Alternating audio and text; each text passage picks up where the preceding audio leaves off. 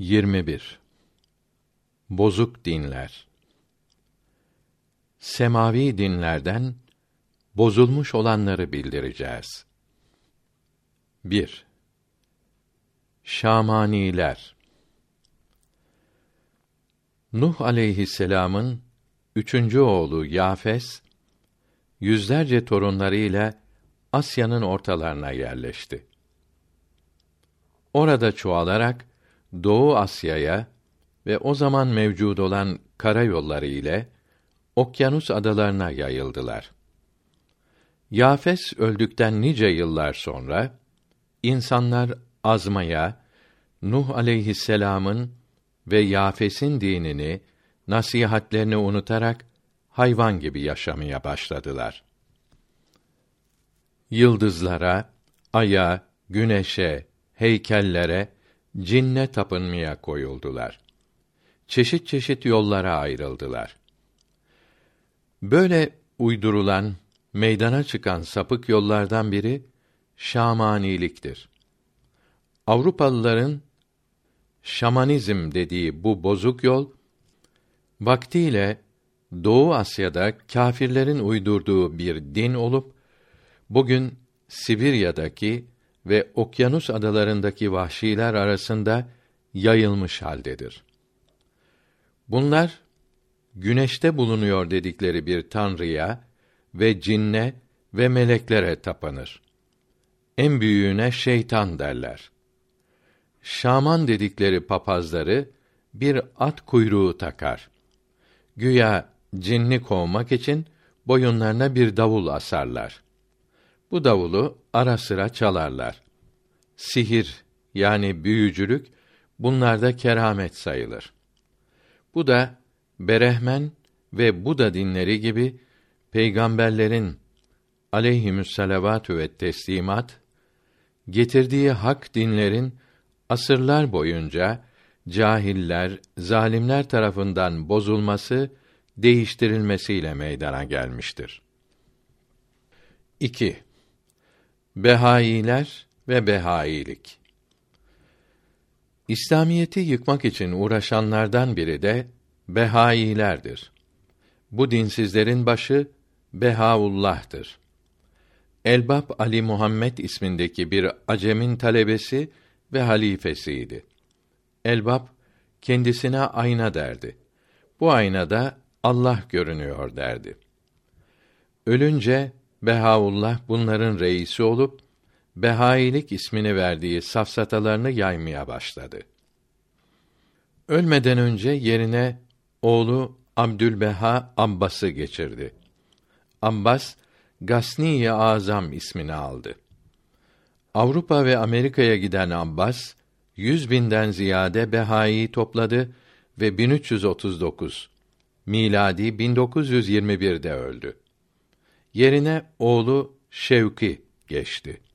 Bu da Behai tarikatını yaydı. Behaullah kendinin peygamber ve ahir zamanın büyük kurtarıcısı olduğunu söylerdi. Kendisine ilk küfür damgasını bu sözüyle vurmuştur. İki bin yıl sonra bir peygamber daha geleceğini söylemiştir. İslamiyet ile ilişiği olmayan bu kâfirlere göre 19 adedi mukaddes imiş. Oruçları 19 gün imiş. Her behainin 19 günde bir 19 behaiyi davet etmesi şart imiş. Dinsiz yollarını umumi adalet evi dedikleri yüksek meclislerine seçilen 19 kişi idare edermiş. Her behai her sene kazancının beşte birini bu heyete vermeye mecbur imiş. 11 yaşında evlenmek lazım imiş. Bekar yaşamak yasak imiş. Çıplak kadınlarla toplantı yapmak ibadet olup başka türlü ibadete lüzum yok imiş. Her türlü ahlaksızlık şeref sayılırmış. Behailerin bütün dünyada 88 yerde teşkilatı vardır. Hristiyan, Yahudi, Mecusi, Sihi, Zerdüşti ve Budistleri aldatarak kendilerine çekmektedirler. Bunların en korktukları, dayanamadıkları amansız düşmanları İslam alimleridir. Dinini bilen, anlayan hiçbir Müslümanı aldatamamışlardır. Kitaplarını, propaganda neşriyatlarını 48 dile tercüme edip her yere dağıttıkları ve bu yolda milyonlarca lira harcettikleri halde İslamiyet karşısında aciz kalmakta, eriyip gitmektedirler. Buna karşılık Avrupa'da ve Amerika'da ve Afrika'da ve Avustralya'da 77 mahalli mahfil resmen tescil edilmiş bulunmaktadır. Rus Türkistan'ında miladi 1902'de yapılmış ve Chicago'da miladi 1920'de yapılmış büyük mabetleri vardır. Irk ve milliyet tanımazlar. Komünistler gibi bütün dünyaya yayılmak tek bir selahiyetli mübeyyinin emirleriyle idare edilmek gayesindedirler. Fertlerin menfaatini düşünmezler. Devlet kapitalizmini desteklemektedirler. Tapınmaları, teşkilatları, vazifeleri akdes dedikleri kitaplarında ve vasiyetler levhalarında yazılıdır. Allahü Teala'ya inanmaları ve birçok bilgileri İslam dininden alınmıştır. İslamiyete uymayan uydurma tarafları da çoktur.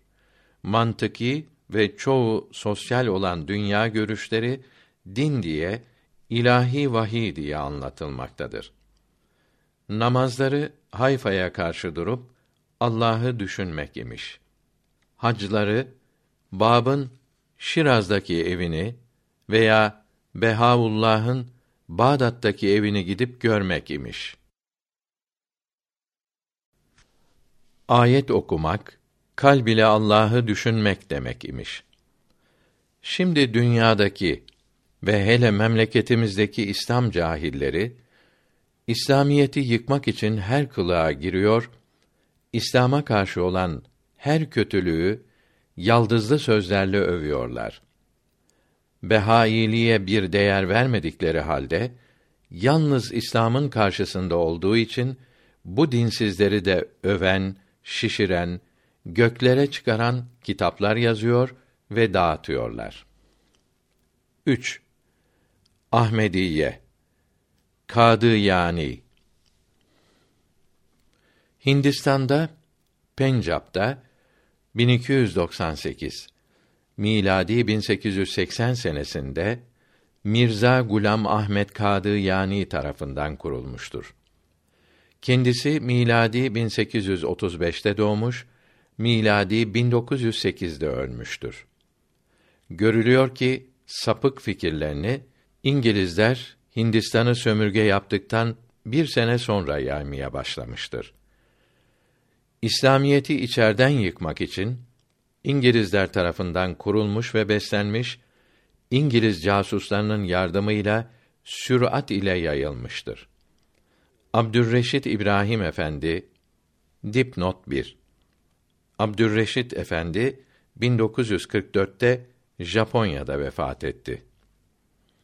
1328 miladi 1910'da İstanbul'da basılan Türkçe Alemi İslam kitabının ikinci cildinde İngilizlerin İslam düşmanlığı yazısının bir yerinde diyor ki: Hilafeti İslamiyenin bir an evvel kaldırılması İngilizlerin birinci düşünceleridir.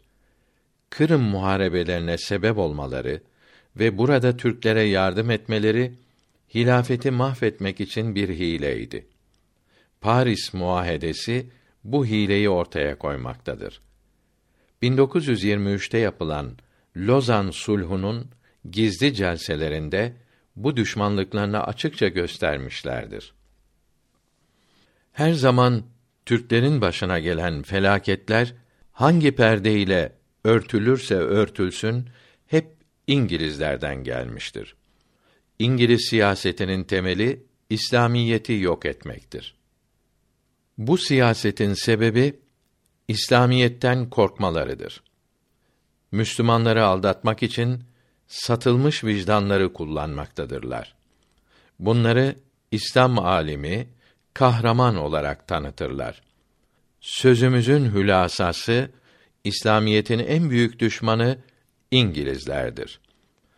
Amerikalı hukuk ve siyaset adamlarından Brian William Jennings kitapları, konferansları ve 1891 ile 1895 arasındaki Amerika Birleşik Devletleri Kongresi Temsilciler Meclisi'nde azalık yapması ile meşhurdur.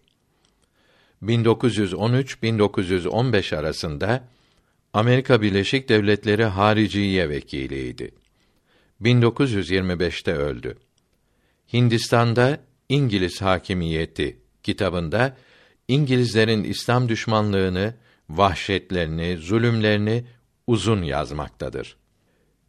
İngilizlerin maşası olan Gulam Ahmet Kadı yani öldükten sonra yerine Hakim Nurettin halifesi oldu. 1914'te bunun yerine geçen Beşirüddin Mahmud 1307 miladi 1889'da tevellüt 1385 miladi 1965'te vefat etmiştir.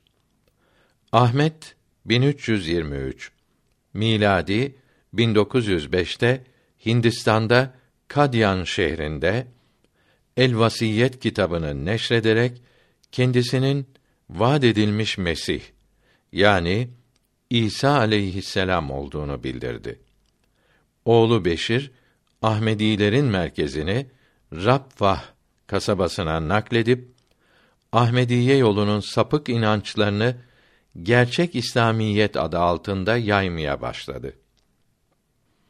Kur'an tefsiri diyerek çıkardığı büyük iki kitabı Kur'an-ı Kerim'e uymayan sapık, bozuk yazılarla doludur.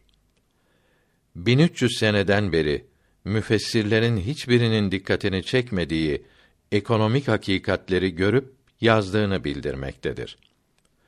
Allah'ın böyle bir bilgiyi ancak peygamberlere ve onların halifelerine bahşettiğini güvenle iddia edebilirim demektedir. Kur'an-ı Kerim'i kendi görüşüyle tefsir eden kâfir olur.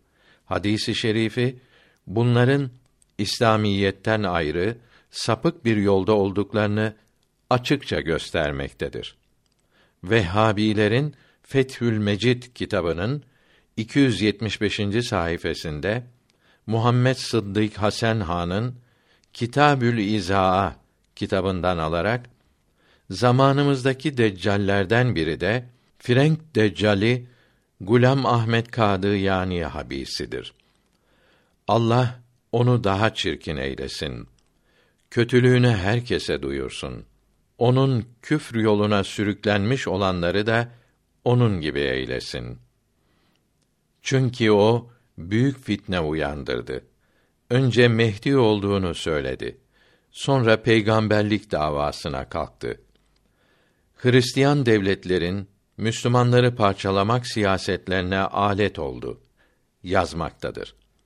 Bunlar gerçek Müslümanlık yalnız Ahmediliktir diyor.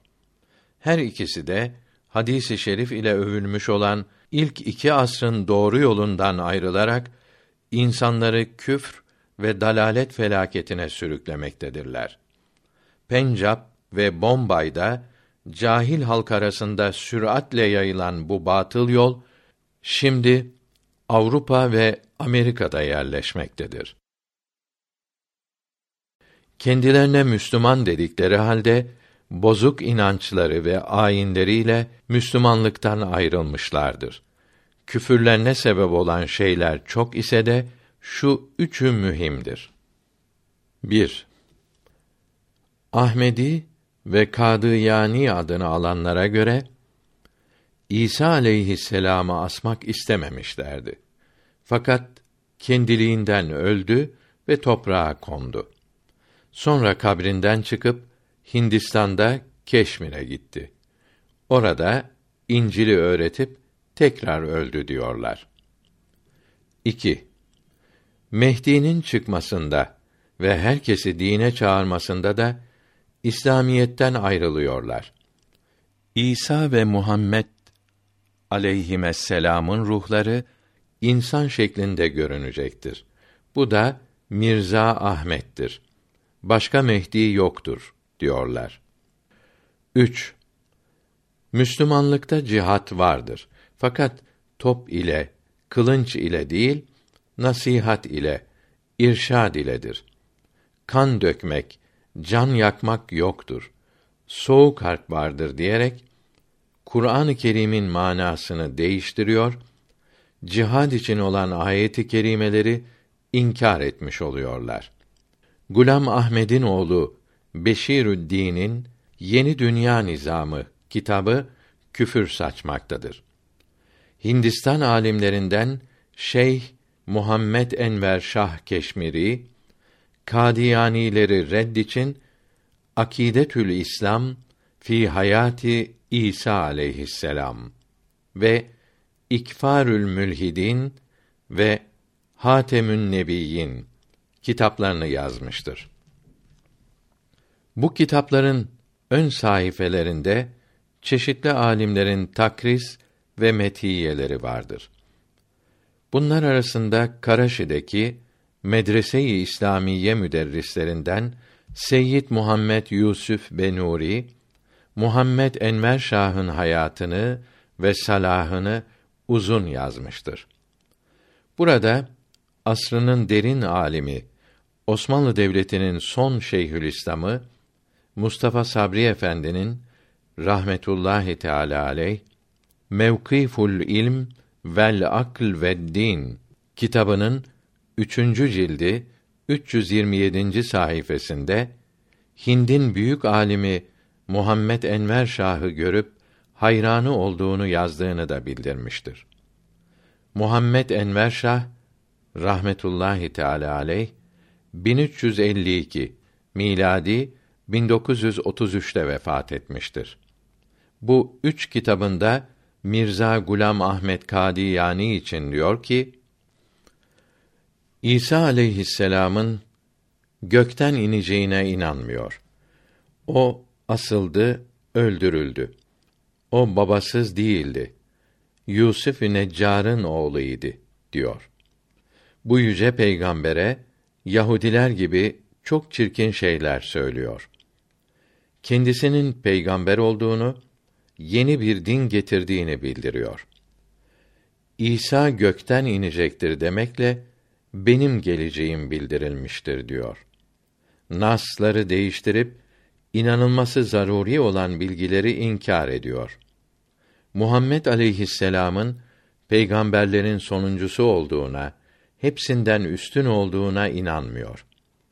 Kendisinin binlerce mucizeleri olduğunu, mucizelerinin peygamberlerin hepsinin mucizelerinden daha çok ve daha üstün olduğunu bildiriyor. Birçok ayetlerin kendisine haber verdiğini, Kur'an'da övüldüğünü bildiriyor. Ahmet Kadı yani Moğol Tatar kavmindendir. İsmaili fırkasından bir zındık idi. Çok kitap okudu.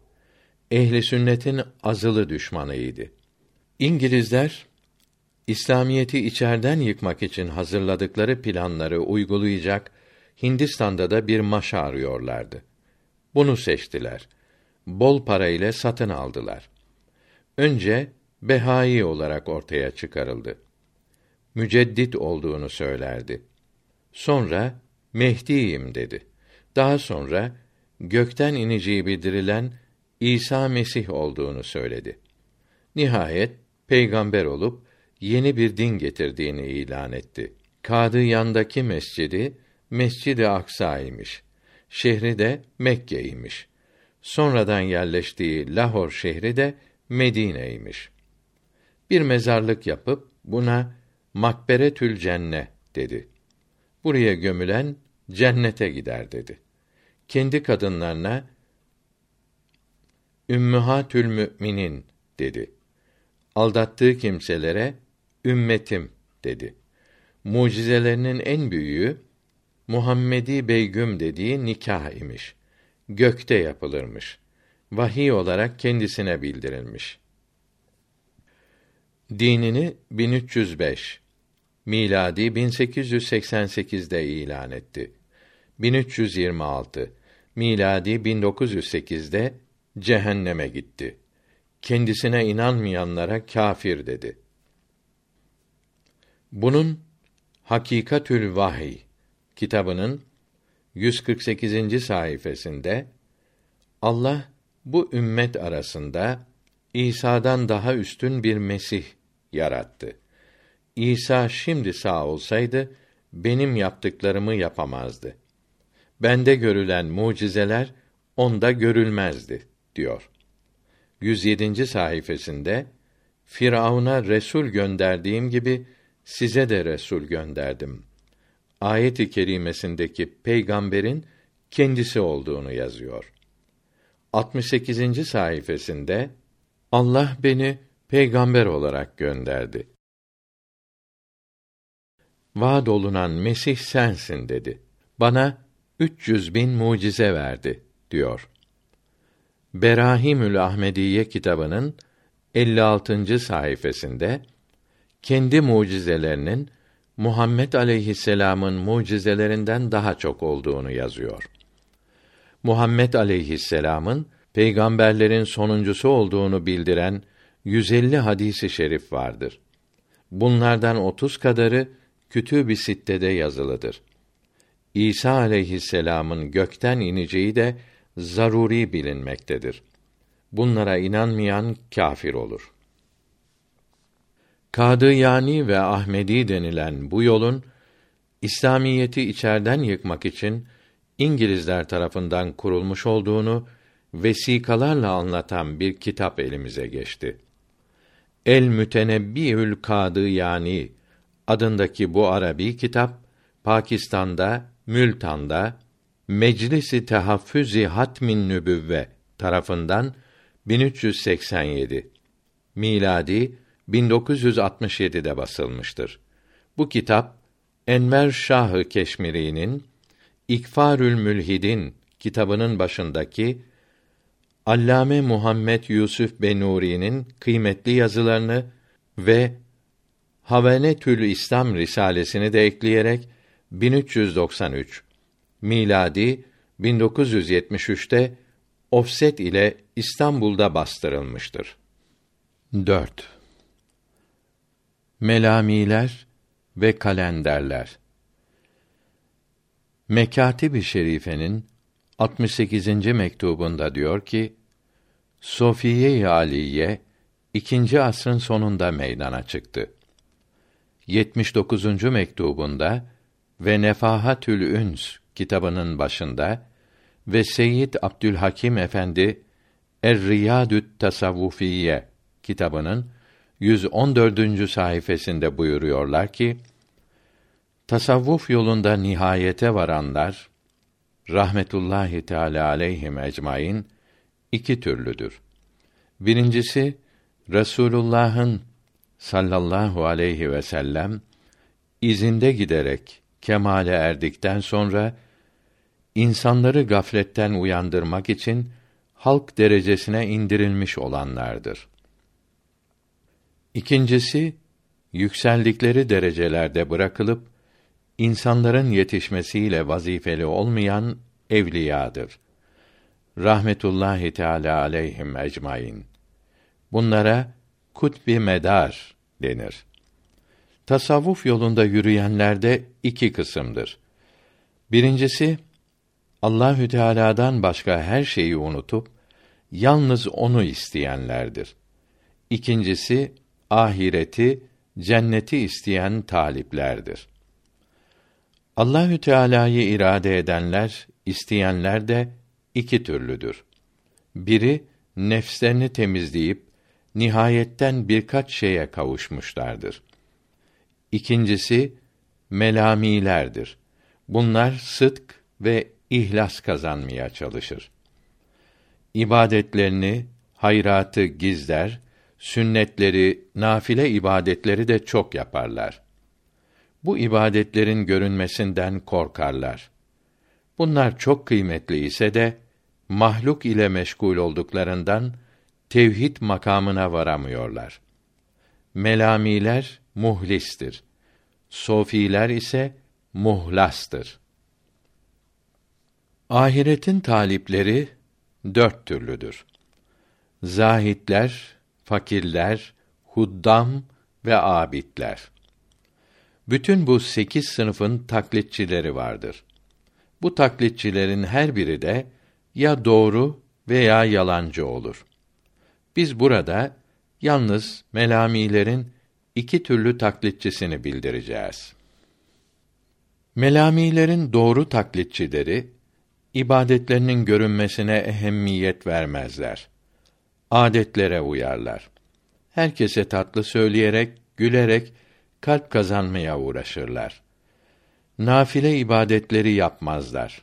Farzlara dikkat ederler. Dünyaya düşkün değildirler. Bunlara kalender denir. Bunlar riya, gösteriş yapmadıkları için melamilere benzer. Abdullah Dehlevi rahmetullahi teala aleyh 79. mektubunda buyuruyor ki kalender batınını temizlemek, nefsini yok etmek için çalışır. Çok ibadet yapmaz. Sofi ise bunun ikisine de çalışır. Mahlukları görmez. Kalenderden daha üstündür. Zamanımızda kalender ismini taşıyan birçok kimse bu saydığımız şeyleri yapmıyor. Bunlara kalender yerine haşevi dense yerinde olur. Haşevi Allahü Teala'yı mahluklara benzeten, madde, cisim diyen kâfirlere verilen isimdir. 72 bid'at fırkasından biri olan müşebbihe ve mücessime denilen fırkadakilerin çoğu haşevi olmuşlardır. Melamilerin yalancı taklitçileri zındıklardan bir kısımdır ki her türlü günah işler. Kalplerimiz temizdir. Her işi Allah rızası için yapıyoruz derler. Riyadan, gösterişten kurtulup halis Allah adamı olmak için günah işliyoruz derler. Allahü Teala'nın ibadete ihtiyacı yoktur. Kulların günah işlemesi ona zarar ziyan vermez. Asıl günah mahlukları incitmek, can yakmaktır. İbadet de insanlara iyilik, ihsan etmektir derler. Bunlar dinsiz zındıklardır. Bugün melamilerin bir şeyhleri vardır. Onun yanında bir iki dakika oturanın kalbi Allah dermiş. Gönülde içilen şarab ile hemen sarhoş gibi olurmuş. Kendini Rabbi ahengine uygulayarak gerçek insan olurmuş. Şah damarından daha yakın olan Allah'ın varlığını duyup onunla bir arada yaşarmış. Kendi özünden üstün bir etki ve yetki tanımazmış. Kendinde görüp duyduklarına inanılıp başka bir şeye inanılmazmış. Özünden ve kendi tekliğinden başka varlık yokmuş. Bu sözler Allahü Teala'yı inkar etmek olup küfürdür, zındıklıktır. 5. Dereziler Dürus yani derezilere yanlış olarak dürzü deniliyor. İbn Abidin 3. ciltte mürtetleri anlatırken buyuruyor ki: Dereziler Müslüman adı taşır. Namaz kılanları da vardır. Fakat imanları bozuktur. Tenasüha inanırlar. Şaraba, alkollü içkilere ve zinaya helal diyorlar. Uluhiyet sıfatları tanrılık insandan insana geçer diyorlar. Öldükten sonra dirilmeye, namaza, oruca, hacca inanmazlar. Bunların manaları dünyada yaşama yollarını düzeltmektir derler. Peygamberimize sallallahu aleyhi ve sellem çirkin şeyler söylerler. Şam müftisi Allame Abdurrahman İmadi fetvasında bunların mülhitler gibi ve İsmailiye gibi inandıklarını bildirmektedir. Dört mezhebin alimleri bunlardan cizye alarak İslam memleketlerinde oturmalarına izin vermek helal olmaz dedi. Bunlardan kız almak, kestiklerini yemek caiz değildir. Fetavai Hayriye'de bunlar uzun bildirilmektedir. Bunlara zındık, mülhit ve münafık denir. İnanışları bozuk olduğu için şehadet kelimesini söylemekle Müslüman sayılmazlar. Dini İslam'a uymayan inanışlarından vazgeçmedikçe Müslüman olmazlar. Bunlar kitaplı ve kitapsız kâfirlerden daha zararlıdır. İbn Abidin'den rahmetullahi teala aleyh tercüme tamam oldu. Bu mülhitler Allah Ali'nin ve çocuklarının şeklinde göründü derler. 11. imam olan Hasan bin Ali Askeri'nin adamlarından olduğunu iddia eden İbn Nusayr'ın uydurduğu çirkin sözlere inanırlar. Suriye'de bulunanların kendilerine Alevi dedikleri Müncit'te yazılıdır. Türkiye'de böyle Alevi yoktur. Mısır'daki Fatımi hükümdarları ehli sünnetten ayrıldı. Bozuk yollara saptı. Bunlardan hakim bir emrillah Müslümanlıktan da çıkmıştı. Dırar isminde bir dönme hakimi aldattı. İslamiyeti yıkmaya uğraştı. Dırar'ın talebesinden Hamza bin Ahmet sapık inanışlar uydurmuş, hakimi ve Mısır'daki derezileri bu bozuk yola sokmuştu. Bu inanışları alan dereziler Suriye ve Lübnan'dakilere de aşıladı. Selman-ı Farisi'yi radıyallahu an çok severiz derler. İnanışlarını gizli tutarlar. İri, inatçı, yağmacı, merhametsiz kimselerdir. Yavuz Sultan Selim'e rahmetullahi teala aleyh tabi oldular. Sultan 3. Murat zamanında isyan ettiler ise de Bosnalı damat İbrahim Paşa terbiyelerini verdi. Suriye'deki Hristiyanlarla da ara sıra savaştılar. Dereziler Arabistan'dan Irak'a gelmiştir. İranlılar Irak'taki Hire devletini yıkınca Hirelilerle birlikte Dereziler de Mısır, Şam ve Halep'e göç etmişti. Şam'ın fethinde İslam askerine yardım ettiler. Fatımiler zamanında yolu sapıttılar. 6. İsmailiye Milal Nihal kitabında diyor ki: Eshab-ı kirama dil uzatanlar yirmi fırkaya ayrılmışlardır. Bunlardan biri İsmailiye fırkasıdır. Bunların yedi ismi vardır. Birinci isimleri Batıniyedir. Çünkü Kur'an-ı Kerim'in açık manalarına inanmayıp kendilerine göre başka manalar çıkarırlar. Kur'an'ın zahir ve batın manaları vardır derler. Batın iç öz manası lazımdır. Cevzin kabuğu değil, içi özü işe yarar derler. Halbuki Kur'an-ı Kerim'deki ve hadis-i şeriflerdeki kelimelere açık manaları verilir. Başka bir ayet daha açık anlaşılıyorsa o zaman birinci ayete de buna uyacak şekilde değişik mana verilebilir. Böyle bir mecburiyet olmadan açık manayı bırakıp başka mana vermek küfr ve ilhad olur. Çünkü bu suretle İslamiyeti değiştirmek, bozmak olur. İkinci isimleri Karamita'dır. Çünkü bu fırkayı meydana çıkaran Hamdan Karmat denilen kimsedir. Hamdan Basra'da Vasıt şehrinde bir köy ismidir. Üçüncü isimleri Hurumiyedir. Çünkü birçok haramlara helal diyorlar. Dördüncü isimleri Seb'iyedir. Çünkü din sahibi olan peygamberler yedidir derler. Bunların altısı Adem, Nuh, İbrahim, Musa, İsa ve Muhammed aleyhimüsselam'dır. Mehdi de yedinci olacaktır derler. Natık adını verdikleri bu peygamberlerden salavatullahi teala aleyhi ecmaîn her ikisi arasında yedi imam gelmiştir.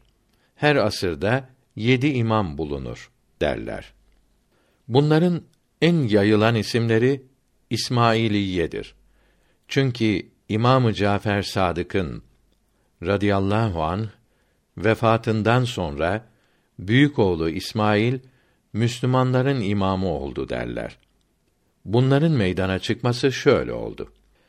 Hindistan'daki mecusiler yani ateşe tapan kâfirler İslamiyetin üç kıta üzerinde süratle yayıldığını görünce Müslümanları kılınçla yenmeye, yayılmalarını önlemeye imkan yoktur. Onları içten yıkmaktan başka çare kalmamıştır. Onların kitaplarına kendi inancımıza göre mana verip gençlerini, cahillerini yoldan çıkaralım dediler. Başları olan Hamdan Karmat şu temel prensipleri koydu. 1. Din bilgisi olanlarla konuşulmayacak. Din alimi bulunan yerde kendimizi gizleyeceğiz. 2. Karşıdakinin arzusuna, keyfine göre konuşulacak.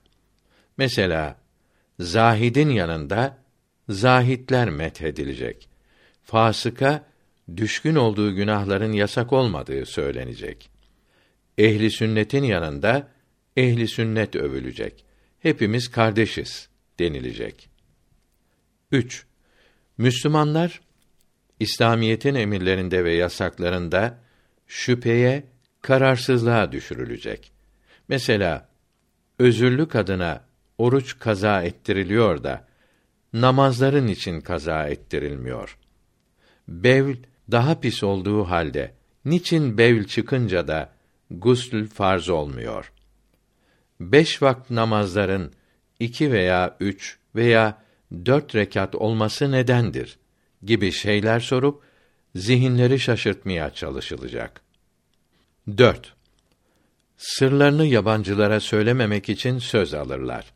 Allah Kur'an'da misak emrediyor derler. 5. Din ve dünya büyükleri bizi beğeniyor, bizi övüyor derler.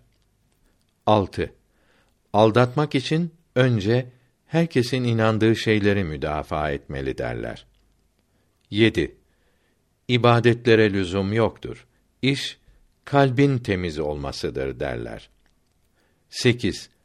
Avlanılan gençlere ehli sünnet itikadını kötülemeli, ehli sünnete gerici demeli. Son olarak haramları işlemeye alıştırmalı. Bunları yaptırmak için ayet-i kerimelere ve hadis-i şeriflere yanlış manalar vermeli. Bunlar batıni manalardır. Her alim bunları anlayamaz demeli. Mesela cennet ibadetlerden kurtulmak ve lezzetli şeyleri yapmaktır. Cehennem ibadetlerin yüklerine katlanmak ve haramlardan sakınmaktır demeli. İlk zamanlar birçok bilgileri eski Yunan felsefelerinden aldılar. Mesela yaratıcı ne vardır ne de yoktur. Ne alimdir ne cahildir. Ne kadirdir ne acizdir. Bütün sıfatları da böyledir dediler. Çünkü bunlar var denirse mahluklara benzetilmiş olur. Yoktur denirse yokluk kondurulmuş olur dediler. Yaratan kadim de değildir, hadis de değildir dediler.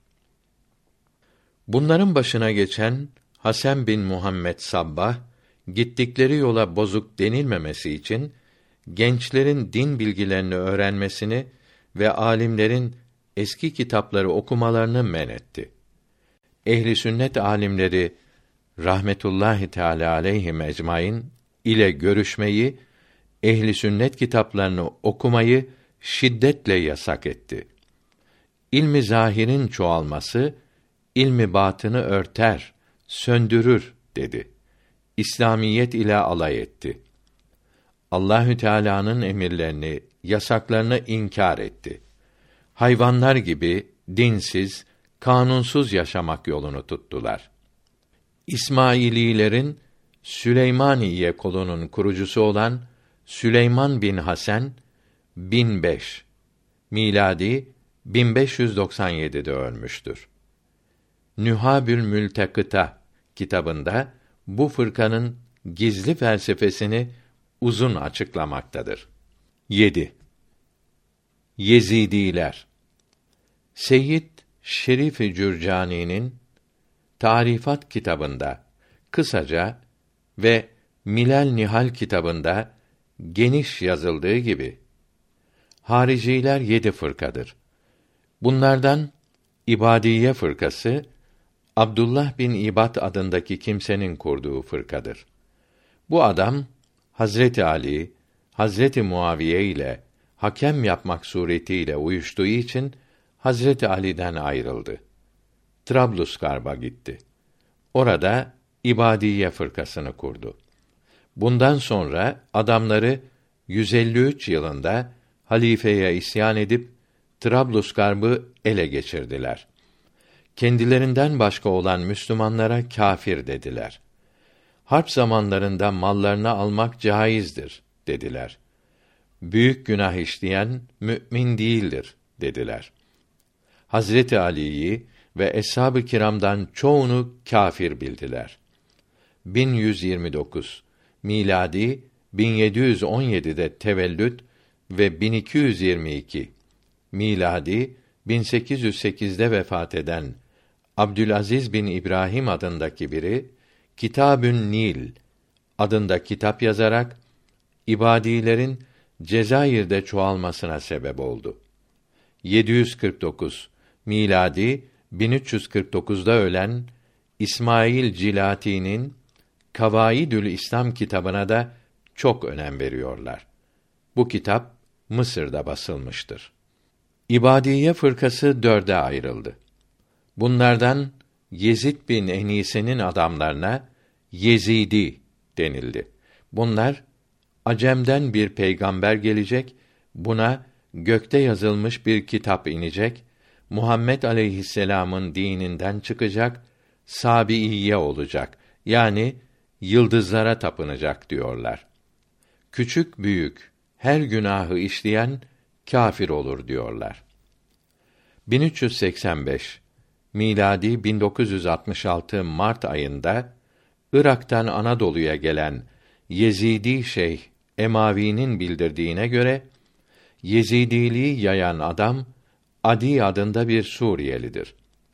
Abbasilerin baskısından kaçarak Irak'ın şimalinde Sengal dağlarının ortasındaki Ladeş vadisine sığınmış, Adeviye adında bir yol kurmuştur. Kürtler ve Araplar arasına yayılan bu inanışa Yezidilik denildi. 550 miladi 1154'te 80 yaşında öldü. Yerine kardeşinin oğlu ikinci Adi geçti. Bundan sonra bunun oğlu Şeyh Hasan reis oldu. Bunun zamanında çoğaldılar. 80 bin oldular. Yezidilerin inanışları Müslümanlıkla Hristiyanlık inanışlarının karışığıdır. Kitabül Celve adındaki en önemli kitapları Arabi ve Kürtçe olup Maximilian Büttner tarafından Almancaya tercüme edilmiş ve 1331 miladi 1913 yılında basılmıştır. Şeytana tapınırlar. İblise melek ve tavus derler. Şeytana söveni öldürürler. Dertleri, belaları iblis yaratır derler. Müslümanlardan ve Hristiyanlardan işittikleri şeyleri Yezidilik olarak anlatırlar. Müslümanların imanının ve ibadetlerinin hiçbiri bunlarda yoktur. Ladeş vadisindeki Badır köyünde bulunan ölülerini gidip dolaşmaya haç derler. Bunu Eylül ayında yaparlar. Her gün güneş doğarken ona karşı dururlar. Sabah ilk ışık gelen toprağı öperler. Güneş batarken de ona yalvarırlar. Bu yaptıklarına namaz kılmak, ibadet etmek derler. Ocak ayında üç gün oruç tutarlar. Bu çeşitli işlerini namaz, oruç, hac, ibadet diye anlatırlar. Bu sözlerini işiten bunları Müslüman sanır. Yezidilerin okuma yazma öğrenmesi büyük günahtır. Bunun için çok geri ve cahildirler. Müslümanlıktan haberleri yoktur. Sakal kesmeleri de günahtır. İnsanları dünyada ve ahirette sıkıntılara sürükleyen bu tuhaf dine karşı ilk olarak Musul emiri İmadüddin Zengi harekete geçerek kumandanı Bedreddin Lü'lü'yü Şeyh Hasen'in üzerine yolladı. Onları dağıttı. Başkanları Emaviye göre bugün 10 milyon Yezidi vardır. Bunlar Irak'ta, Suriye'de, Yemen'de, Azerbaycan'da, Türkiye'de ve Hindistan'da bulunmaktadır. Cahil olduklarından komünistik propagandalarına çabuk aldanmaktadırlar. Rusya'da 3 milyon komünist Yezidi bulunduğunu ve Irak'taki Abdüsselam hükümetinin astığı 1200 komünist içinde Yezidilerin de bulunduğunu Emavi açıklamıştır. Emevi halifelerinden Yezid'in bunlarla hiçbir bağlılığı yoktur. Emavi ismindeki reisleri miladi 1930'da Ladeş'te doğmuştur. Irak ordusunda general rütbesine yükselmiştir. Irak'ta bulunan Müslüman Kürtlere karşı Irak ordusuyla birlikte harp etmiştir. Behçetül Fetava sahibi rahmetullahi teala aleyh diyor ki Bağdat'ta birçok kimse kendilerine Müslüman dedikleri halde harama helal diyor, güneşe tapıyor ve iblise tazim ediyorlar. Ülül emre isyan edip bulundukları yerde başkanlarıyla birlikte küfür ahkamını yapıyorlar. Bulundukları yer Darül Harb olur. İslam askeri bunlarla harp edip erkekleri Müslüman olursa öldürülmez. Kadınları irtidattan vazgeçip Müslüman olurlarsa cariye olarak vati helal olur. Yezidilerin İran'da bir peygamber gelecek dedikleri için kâfir oldukları Berika ve Hadika kitaplarında yazılıdır. 8. Süryaniler Süryani diliyle konuşan eski Hristiyanların artıklarıdır. Katolik kısmından Yakubiye fırkasındandırlar. Monofisiye inancında olup İsa tanrıdır derler. Urfa patriki olan Yakubi Berdeyi tarafından kuruldu. Antakya patriki Mihail Süryani tarafından yayıldı. Mihail miladi 1126'da doğdu. 594 miladi 1199'da öldü. Yakup miladi 578'de ölmüştür. Hristiyanlıkta monofisiye inancını ilk olarak İstanbul Patriki Utiha çıkarmıştı. İskenderiye Patriki Dioskorüs de buna uymuştu. Miladi 451'deki Kadıköy toplantısında Dioskorüs'ün fikirleri reddedilmişti. Miladın 405 senesinde ölmüş olan Marmaron isminde bir Katolik papazı da Maroni fırkasını kurmuştur. Suriye'deki Hristiyanların bir kısmının Süryani, bir kısmının da Maroni oldukları Kamusül Alam'da yazılıdır. Müncit de diyor ki, Amerikalı Charles Russell'ın 1289 miladi 1872'de kurmuş olduğu Yehve Şahitleri fırkası bid'at yoludur. İncil'e kendine göre yeni manalar vermiştir. Bunlara yanlış olarak Yahova şahitleri deniliyor. Kendilerine inananlara maddi yardım vaat eden misyoner teşkilatının merkezi İsviçre'nin Zürih şehrindedir. 9. Selefiler Hemen söyleyelim ki ehli sünnet alimlerinin rahmetullahi teala aleyhim ecmaîn kitaplarında selefiye denilen bir isim ve selefiye mezhebi diye bir yazı yoktur.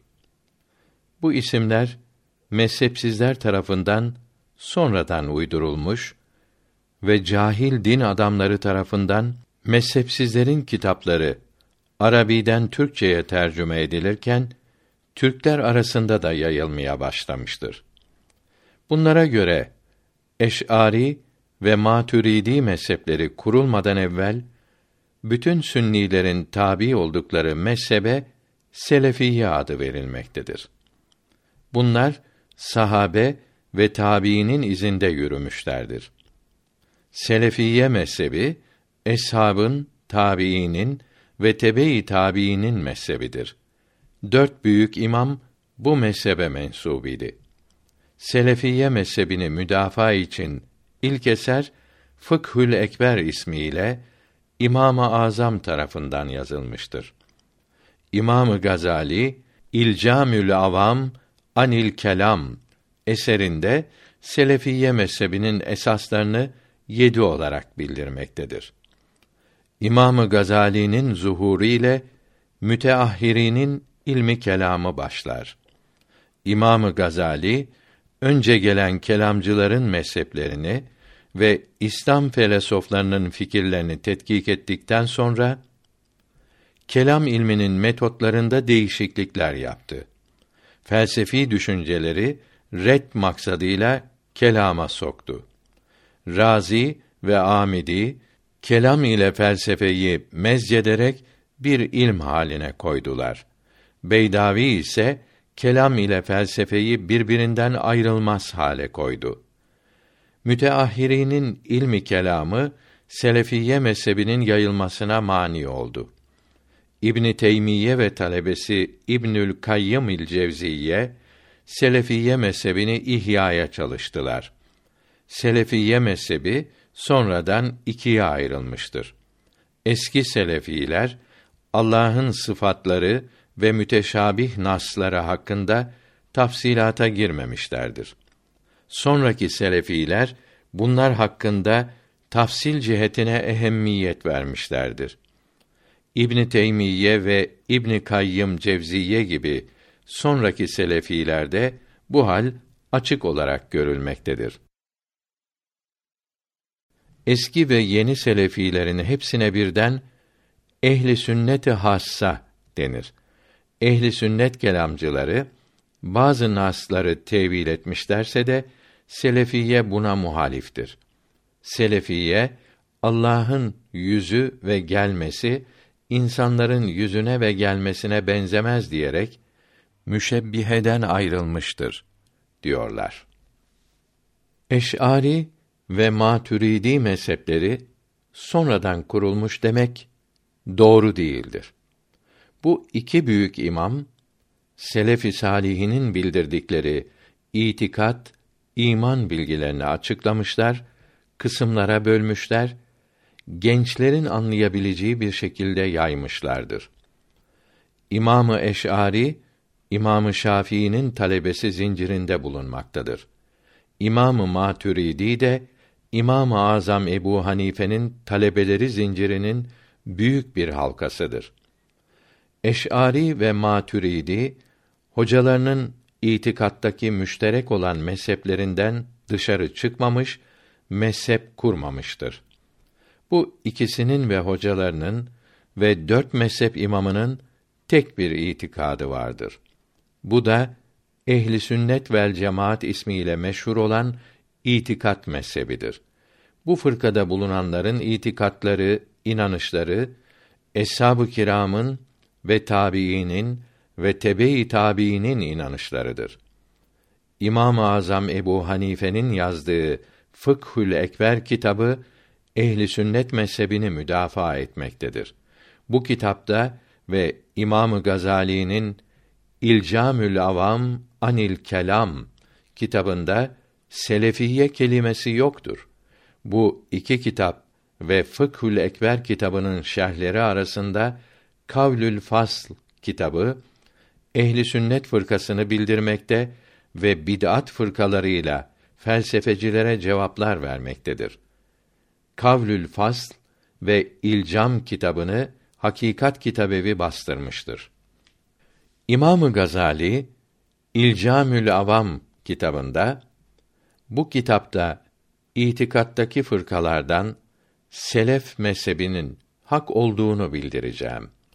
Bu mezhepten ayrılanların bid'at sahibi olduklarını anlatacağım. Selef mezhebi demek eshabın ve tabiinin itikatları demektir. Bu mezhebin esasları yedidir, diyor. Görülüyor ki, İlcam kitabı, Selef mezhebinin yedi esasını yazmaktadır. Buna, Selefiyenin yedi esası demek, kitabın yazısını değiştirmek ve İmam Gazali'ye iftira etmek olmaktadır. Ehli sünnet kitaplarının hepsinde mesela çok kıymetli fıkıh kitabı olan Dürrül Muhtar'ın şahitlik kısmında selef ve halef dedikten sonra selef eshab-ı kiramın ve tabiinin ismidir. Bunlara selef-i salihin de denir. Halef de selef-i salihinden sonra gelen ehli sünnet alimlerine denir. Yazılıdır. İmamı Gazali ve İmamı Razi ve tefsir alimlerinin baş tacı olan İmamı Beydavi hep selef-i salihin mezhebindeydiler. Bunların zamanında türeyen bid'at fırkaları ilmi kelama, felsefeyi karıştırdılar. Hatta imanlarının esasını felsefe üzerine kurdular. Milal ve Nihal kitabında bu bozuk fırkaların inançları geniş anlatılmaktadır. Bu üç imam bu bozuk fırkalara karşı ehli sünnet itikadını müdafaa ederken ve onların sapık fikirlerini çürütürken onların felsefelerine de geniş cevaplar verdiler. Bu cevapları ehli sünnet mezhebine felsefeyi karıştırmak değildir. Bilakis kelam ilmini kendisine karıştırılan felsefi düşüncelerden temizlemektir. Beydavi'de ve bunun şerhlerinin en kıymetlisi olan Şeyhzade tefsirinde hiçbir felsefi düşünce, hiçbir felsefi metot yoktur. Bu yüce imamlara felsefe yolunda idiler demek çok çirkin iftiradır. Ehli sünnet alimlerine bu iftirayı ilk olarak İbn Teymiyye Vasıta kitabında yazmıştır. İbn Teymiyye'nin ve talebesi İbnül Kayyım'ül Cevziyye'nin Selefiye mezhebini ihyaya çalıştıklarını söylemek ise hak yolda olanlar ile batıl yola sapmış olanların ayrıldığı mühim bir noktadır. Bu iki şahıstan evvel Selefiye mezhebi hatta Selefiye kelimesi yok idi ki bu ikisinin ihyaya çalıştığı söylenilebilsin. Bu ikisinden evvel yalnız ve tek hak itikad olarak ehli sünnet vel cemaat ismi verilmiş olan selef-i salihinin mezhebi vardı. İbn Teymiye bu hak mezhebi bozmuş, birçok bid'atler meydana çıkarmıştır. Şimdi mezhepsizlerin dinde reformcuların kitaplarının, sözlerinin, yanlış düşüncelerinin kaynağı hep İbn Teymiyye'nin bid'atleridir. Bunlar kendilerinin hak yolda olduklarına gençleri inandırmak için korkunç bir hile ortaya çıkardılar. İbn Teymiyye'nin bid'atlerini, yanlış fikirlerini haklı göstererek gençleri onun yoluna sürüklemek için selef-i salihine selefiye ismini verdiler. Selef-i salihinin halefleri olan İslam alimlerine felsefe ve bid'at lekelerini bulaştırdılar. Bunları selefiye dedikleri uydurma isimden ayrılmakla suçladılar. İbn Teymiyye'yi Selefiyeyi yeniden canlandıran bir kahraman, bir müçtehit olarak ortaya koydular. Halbuki selef-i salihinin halefleri olan ehli sünnet alimleri rahmetullahi teala aleyhi ecmaîn zamanımıza kadar hatta bugün bile yazdıkları kitaplarında selef-i salihinin mezhebi olan ehli sünnet itikat bilgilerini savunmuşlar. İbn Teymiyye'nin, Şevkani'nin ve benzerlerinin selef-i salihinin yolundan ayrıldıklarını ve Müslümanları felakete ve cehenneme sürüklediklerini bildirmişlerdir. Et tevessülü bin nebi ve bis salihin ve ulemaül müslimin vel muhalifun ve şifaü's sikam ile bunun ön sözü olan Tathirül Fuat min Denisil İtikat kitaplarını okuyanlar yeni selefiye denilen bu inanışları ortaya çıkaranların Müslümanları felakete götürdüklerini ve İslam dinini içerden yıkmakta olduklarını çok iyi anlar. Son günlerde bazı ağızlardan Selefiye ismi işitilmeye başlandı. Her Müslüman şunu iyi bilmelidir ki İslamiyette Selefiye mezhebi diye bir şey yoktur. İslamiyette yalnız Selefi Salihin mezhebi vardır. Selefi Salihin hadisi şerif ile met ve sena buyurulmuş olan ilk iki asrın Müslümanlarıdır. Üçüncü ve dördüncü asırlarda gelen İslam alimlerine Halefi Sadıkîn denir. Bu şerefli insanların itikadına ehli sünnet vel cemaat mezhebi denir. Bu mezhep iman, inanış mezhebidir.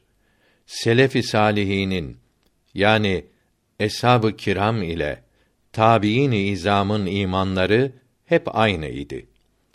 İnanışları arasında hiç fark yoktu. Şimdi yeryüzünde bulunan Müslümanların çoğu ehli sünnet mezhebindedirler. 72 sapık bid'at fırkalarının hepsi ikinci asırdan sonra ortaya çıktı.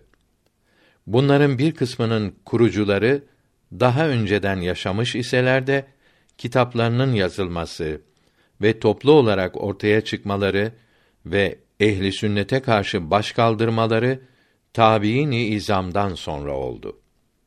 Ehli sünnet itikadını ortaya koyan Resulullah'tır sallallahu aleyhi ve sellem. İman bilgilerini eshab-ı kiram bu kaynaktan aldılar.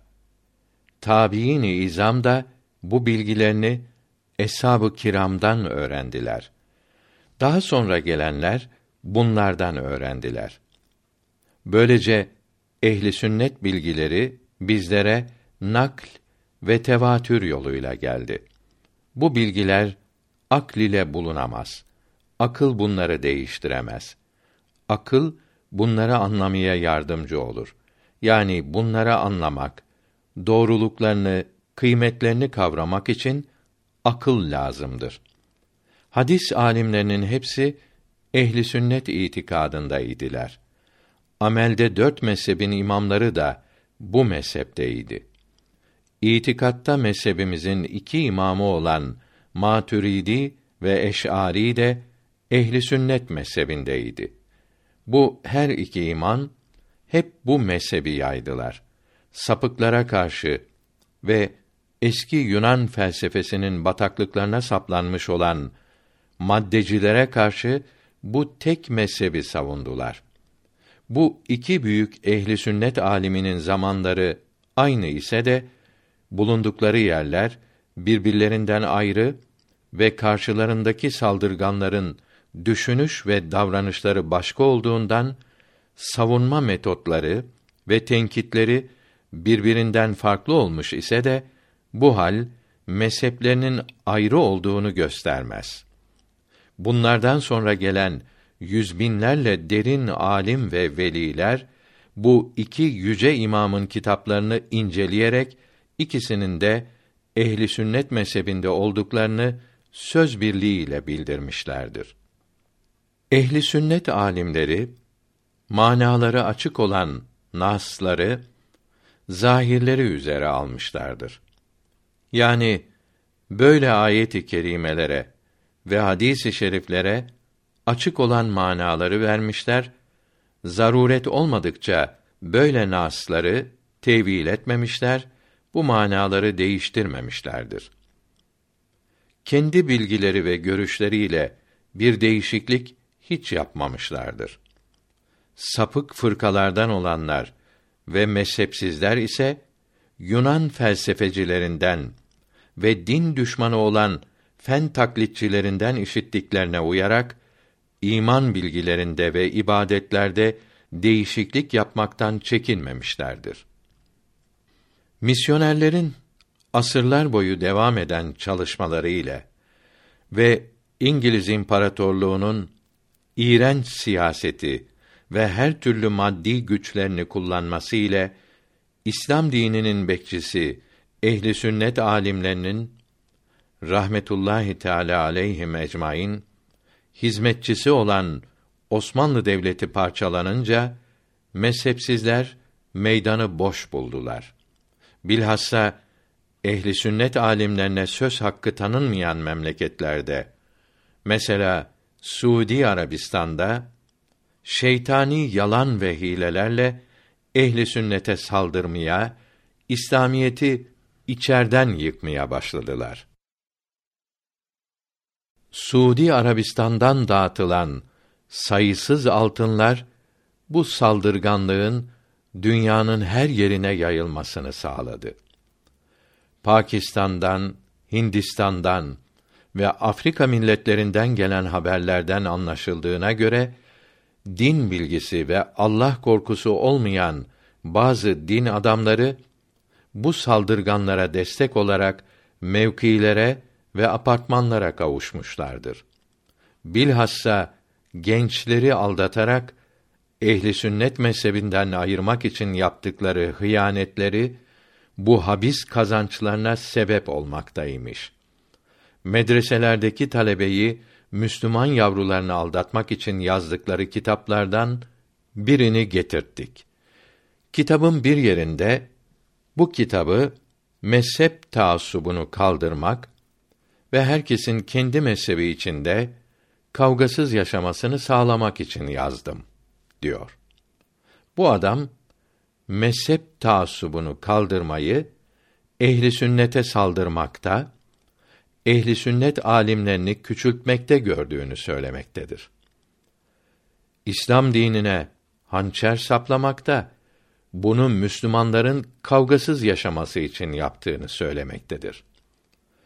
Kitabın bir yerinde düşünen bir insan düşüncesinde isabet ederse on misli ecr alır.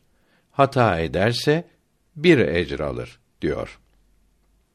Buna göre her insan yani ister Hristiyan olsun, ister müşrik olsun bir kimse her düşüncesinde ecr alacak. Hem de doğru olanlarında on sevap. Bakınız Peygamberimizin sallallahu teala aleyhi ve sellem hadisi şerifini nasıl değiştiriyor? Nasıl hile yapıyor?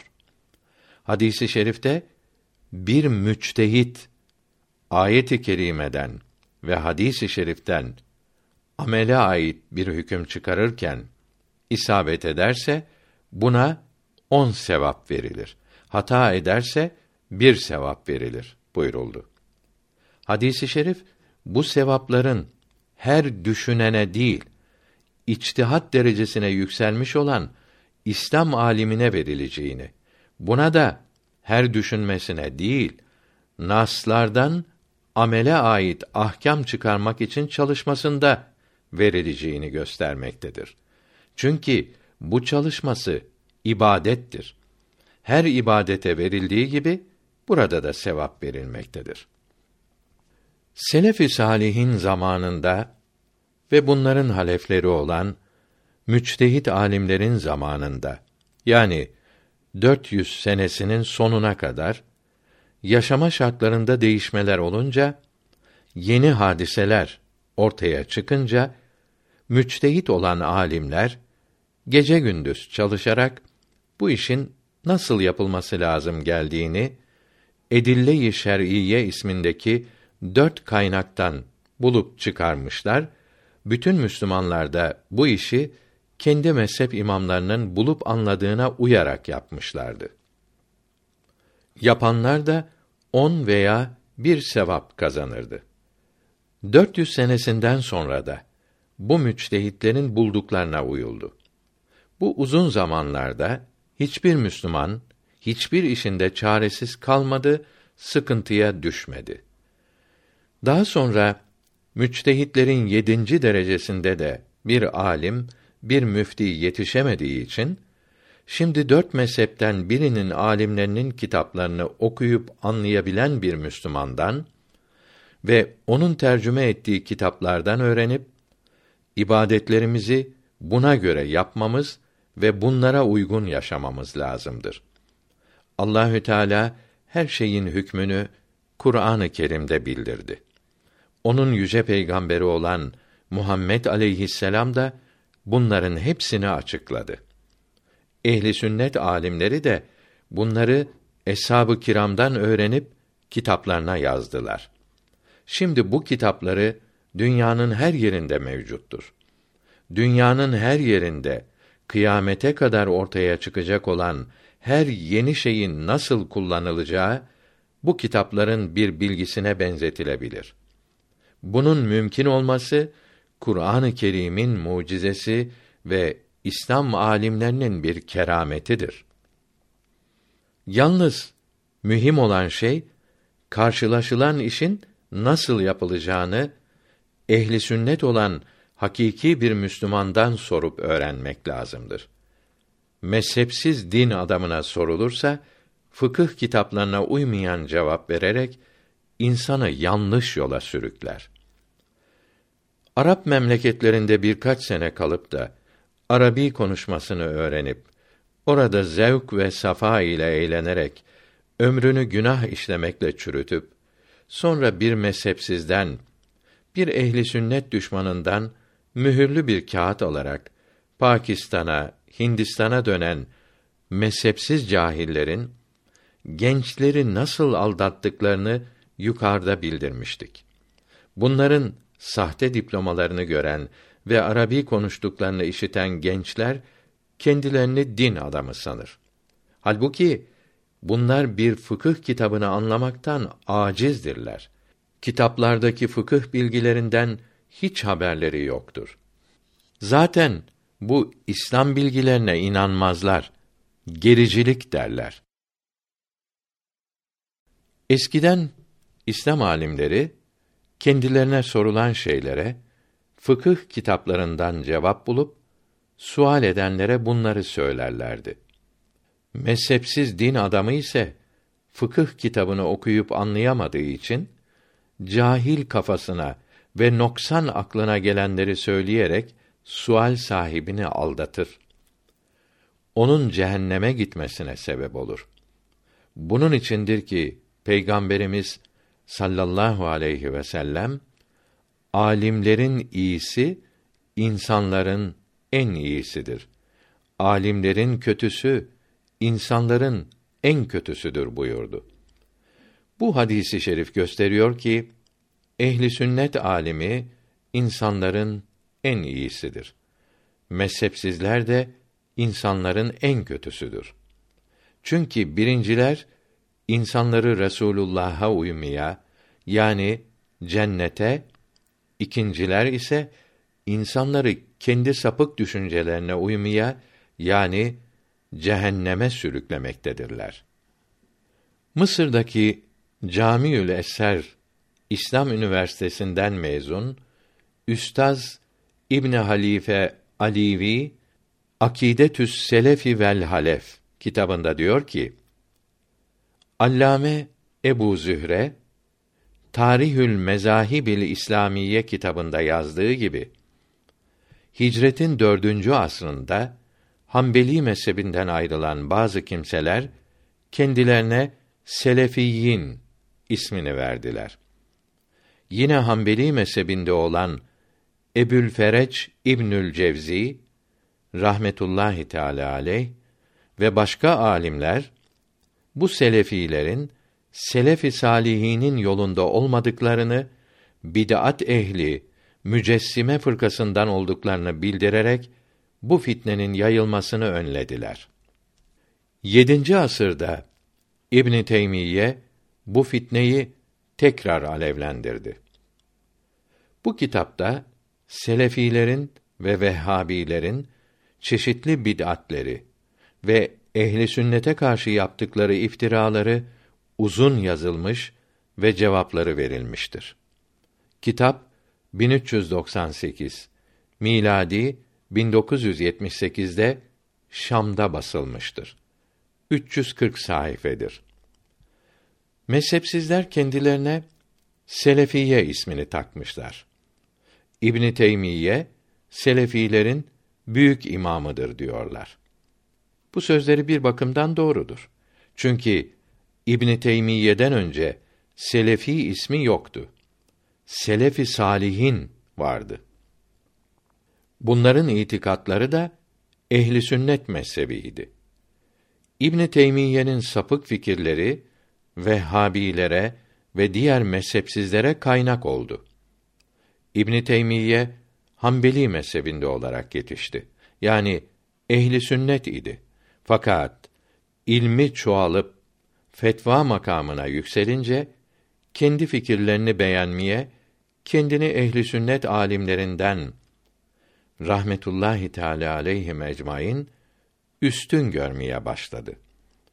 İlminin çoğalması dalaletine, sapıtmasına sebep oldu.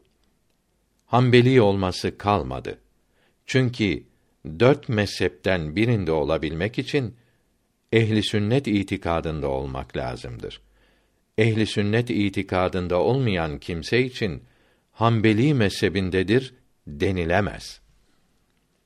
Mezhepsizler bulundukları memleketteki ehli sünnet din adamlarını rahmetullahi teala aleyhi ecmaîn her fırsatta kötülüyorlar. Bunların kitaplarının okunmasını, ehli sünnet bilgilerinin öğrenilmesini önlemek için her hileye başvuruyorlar. Mesela bir mezhepsiz bu fakirin ismini söyleyerek eczacı, kimyager, dinden ne anlar? O kendi sanatı üzerinde çalışsın. Bizim işimize karışmasın demiş. Şu cahilce, şu ahmakça söze bakınız. Fen adamlarının din bilgisi olmaz sanıyor. Bilmiyor ki Müslüman fen adamı her an sun-ı ilahiyi temaşa etmekte, Masnuat kitabında sergilenmiş bulunan yüce Halık'ın kemalatını anlamakta, onun sonsuz kudreti karşısında mahlukların aczini görerek onu her an tesbih ve tenzih etmektedir. Alman atom alimi Max Planck Der Strom kitabında bunu çok güzel bildirmektedir. Bu cahil mezhepsiz ise yurt dışındaki kendi gibi bir sapıktan aldığı belgeye ve bunun sağladığı masaya dayanarak ve belki de yurt dışında dağıtılan altınların hayalleriyle mest olarak din bilgilerini kendi inhisarında görmektedir. Allahü Teala bu zavallıyı ve cümlemizi ıslah eylesin. Böyle belgeli din hırsızlarının tuzaklarına düşen temiz gençleri de halas buyursun. Amin. Evet, bu fakir eczacı ve kimya yüksek mühendisi olarak milletime 30 seneden ziyade hizmet ettim. Fakat yedi sene din tahsili yaparak ve geceli gündüzlü çalışarak da büyük İslam aliminden icazet almakla da şereflendim. Fen bilgileriyle din bilgilerinin azameti altında ezilerek aczimi iyice anladım. Bu anlayış içinde hakkıyla kulluk yapabilmek gayretindeyim. En büyük korkum ve endişem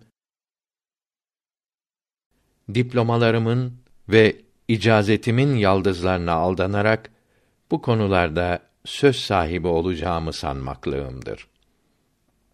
Bu korkumun çokluğu her sözümde gözlere çarpmaktadır. Hiçbir zaman kendi görüşümü, kendi fikrimi yazmaya cesaret etmedim. Daima ehli sünnet alimlerinin anlayabilenleri hayran eden kıymetli yazılarını Arabiden ve Farisiden tercüme ederek genç kardeşlerime sunmaya çalıştım. Bu korkumun çokluğundan kitap yazmayı düşünmemiştim. Savaikül Muhrika'nın ilk sayfasında yazılı olan fitne yayıldığı zaman hakikati bilen başkalarına bildirsin. Bildirmezse Allah'ın ve bütün insanların laneti ona olsun. Hadisi şerifini görünce düşünmeye başladım. Bir taraftan ehli sünnet alimlerinin din bilgilerindeki ve kendi zamanlarında bulunan fen bilgilerindeki anlayışlarının ve akıllarının üstünlüğünü ve ibadet ve takvalardaki gayretlerini öğrendikçe küçüklüğümü anlayıp o büyük alimlerin ilm deryaları yanında kendi bilgilerimi bir damla gibi görüp bir yandan da ehli sünnet alimlerinin kitaplarını okuyup anlayabilecek salih kimselerin azaldığını ve cahil, sapık kimselerin din adamları arasına karışarak bozuk, sapık kitaplar yazıldığını görerek üzülüp hadisi i şerifte bildirilen lanet tehdidinden dehşet duydum. Kıymetli genç kardeşlerime olan şefkat ve merhametim de bu fakiri hizmete zorlayarak ehli sünnet alimlerinin kitaplarından seçtiğim yazıları tercüme etmeye başladım. Aldığım sayısız tebrik ve takdir yazılarının yanı sıra tek tük mezhepsizin serzeniş ve iftiralarına da hedef oldum. Rabbime ve vicdanıma karşı ihlasımda ve sadakatimde bir şüphem olmadığı için Allahü Teala'ya tevekkül ve Resulünün sallallahu teala aleyhi ve sellem ve salih kullarının mübarek ruhlarına tevessül ederek hizmete devam ettim. Allahü Teala hepimizi razı olduğu doğru yolda bulundursun. Amin. Mısır'da Camiül Eser Üniversitesi müderrislerinden büyük Hanefi alimi Muhammed Bahitül Muti'i Tathirül Füat min Denisil İtikat kitabında diyor ki insanlar içinde ruhları en yüksek ve en olgun olanları peygamberlerdir. Aleyhimüsselatu vesselam. Bunlar hata etmekten, şaşırmaktan, gafletten, hıyanet etmekten, taassup ve inattan ve nefse uymaktan ve gares kin bağlamaktan masumdurlar. Peygamberler aleyhimüsselatu vesselam Allahü Teala'nın kendilerine bildirdiği şeyleri söylerler ve açıklarlar. Onların bildirdikleri din bilgileri, emirler ve yasaklar hep doğrudur. Hiçbiri batıl, bozuk değildir. Peygamberlerden salavatullahi teala aleyhi ecmaîn sonra insanların en yüksek ve en olgun olanları peygamberlerin sahabileridir. Çünkü bunlar peygamberlerin sohbetinde yetişmiş, olgunlaşmış, temizlenmişlerdir. Hep peygamberlerden işittiklerini bildirmişler ve açıklamışlardır. Bunların da bildirdiklerinin hepsi doğrudur.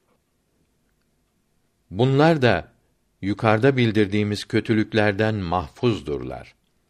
Taassup ile, inad ile birbirlerinin sözlerine karşı gelmemişler, nefslerine uymamışlardır. Bunların ayet-i kerimeleri ve hadis-i şerifleri açıklamaları Allahü Teala'nın dinini onun kullarına bildirmek için içtihad etmeleri Allahü Teala'nın bu ümmete büyük bir ihsanıdır ve sevgili peygamberi Muhammed aleyhisselama merhametidir. Kur'an-ı Kerim eshab-ı kiramın kâfirlere karşı sert olduklarını ve birbirlerine çok merhametli olduklarını, seviştiklerini, namazları titizlikle eda ettiklerini, her şeyi ve cenneti Allah'tan beklediklerini bildiriyor. İçtihatlarında icma hasıl olanların hepsi doğrudur. Hepsi sevaba kavuşmuşlardır. Çünkü hak birdir. Eshab-ı kiramdan sonra insanların en üstünleri eshab-ı kiramı gören ve onların sohbetinde yetişen Müslümanlardır. Bunlara tabiin denir. Bunlar bütün bilgilerini eshab-ı kiramdan almışlardır. Tabiinden sonra insanların en üstünleri tabiini gören ve onların sohbetinde yetişen Müslümanlardır. Bunlara tebe-i tabiin denir. Bunlardan sonra gelen asırlarda kıyamete kadar bulunan insanların en üstünleri, en iyileri de bunlara tabi olan, bunların bildirdiklerini öğrenip yollarında bulunan Müslümanlardır. Selef-i salihinden sonra gelen din adamlarının arasında sözleri, işleri Resulullah'ın ve selef-i salihinin bildirdiklerine uygun olup itikatta ve amelde bunların yolundan hiç ayrılmayan zeki, akıllı ve İslamiyetin hudutlarını aşmayan bir kimse başkalarının kötülemesinden korkmaz. Onlara uyarak doğru yoldan ayrılmaz. Cahillerin sözlerine uymaz. Aklına uyarak müçtehit imamların dört mezhebinden dışarı çıkmaz. Müslümanların böyle bir alimi bulması, bilmediklerini bundan sorup öğrenmesi, bütün işlerini bunun sözlerine uygun yapması lazımdır. Çünkü böyle bir alim Allahü Teala'nın kullarını hatadan korumak ve her şeyi doğru yapmalarını sağlamak için yaratmış olduğu manevi ilaçları yani ruhun tedavisi bilgilerini bilir ve insanlara bildirir. Ruh hastalarını idraksiz olanları tedavi eder. Böyle bir alimin her sözü, her işi ve inanışı İslamiyete uygundur. Her şeyi doğru olarak anlar. Her soruya doğru cevap verir. Her işinden Allahü Teala razıdır. Allahü Teala rızasına kavuşmak isteyenlere rızasına kavuşturan yolları gösterir. Allahü Teala iman edenleri ve imanın icaplarını yapanları zulmetlerden, sıkıntılardan kurtarır. Bunları nura, huzura, saadete kavuşturur. Bunlar her zaman ve her işlerinde rahat ve huzur içinde olurlar. Bunlar kıyamet gününde peygamberlerin, sıddıkların, şehitlerin ve salih Müslümanların yanında bulunurlar. Bir din adamı hangi asırda bulunursa bulunsun peygamberin ve eshabının bildirdiklerine uymazsa sözleri, işleri ve itikadı bunların bildirdiklerine uygun olmazsa ve nefsine, düşüncelerine uyarak İslamiyetin dışına taşarsa ve aklına uyarak İslamiyetin inceliklerine karşı gelir. Anlayamadığı bilgilerde dört mezhebin dışına taşarsa bu kimsenin kötü din adamı olduğu anlaşılır. Allahü Teala bunun kalbini mühürlemiştir.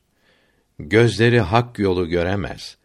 Kulakları doğru sözü işitemez. Buna kıyamette büyük azap vardır. Allahü Teala bunu sevmez. Bunun gibi olanlar peygamberlerin düşmanıdırlar. Bunlar kendilerini doğru yolda sanır. Yaptıklarını beğenirler.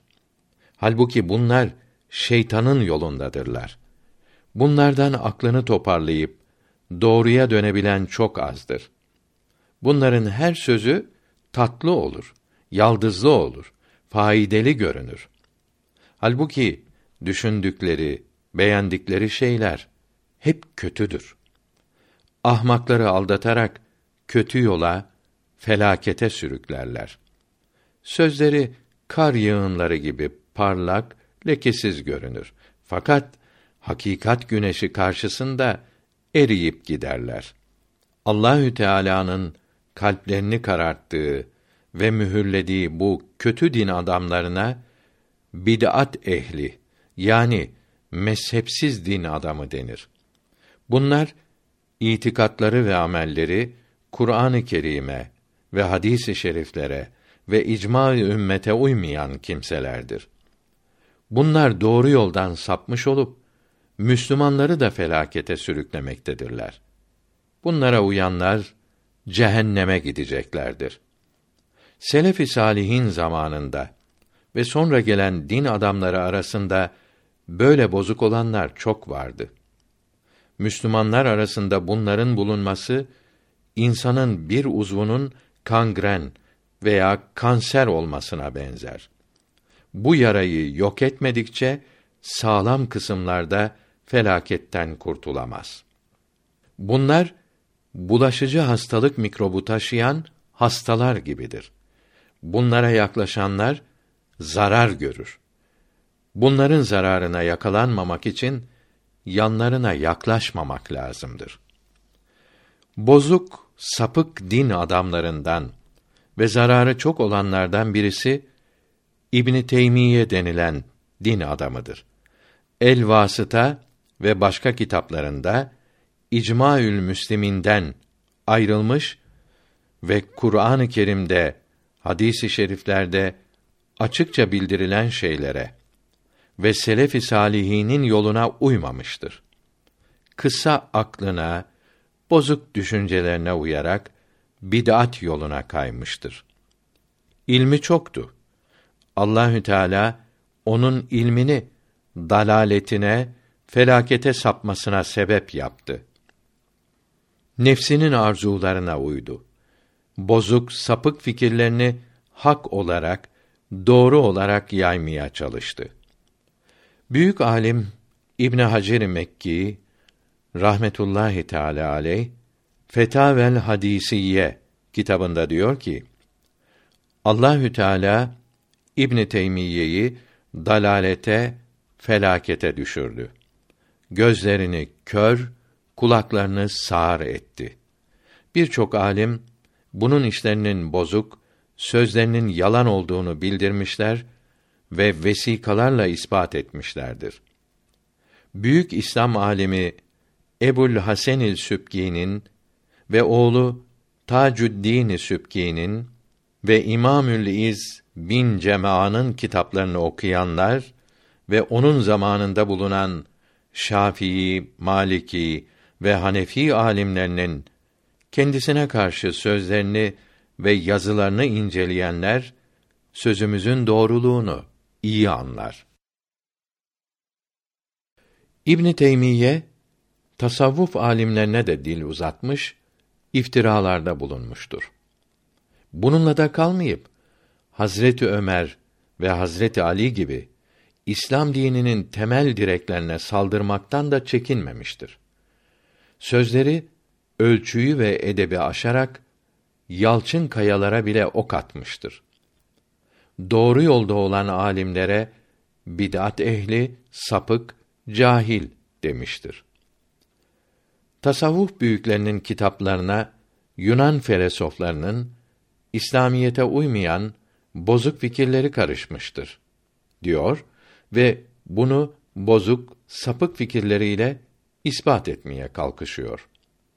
Hakikati bilmeyen gençler onun ateşli, yaldızlı yazılarına aldanarak doğru yoldan ayrılabilirler. Mesela tasavvufçular Levhil mahfuzu görüyoruz der. İbn Sina gibi felsefeciler buna nefsül felekiye diyorlar.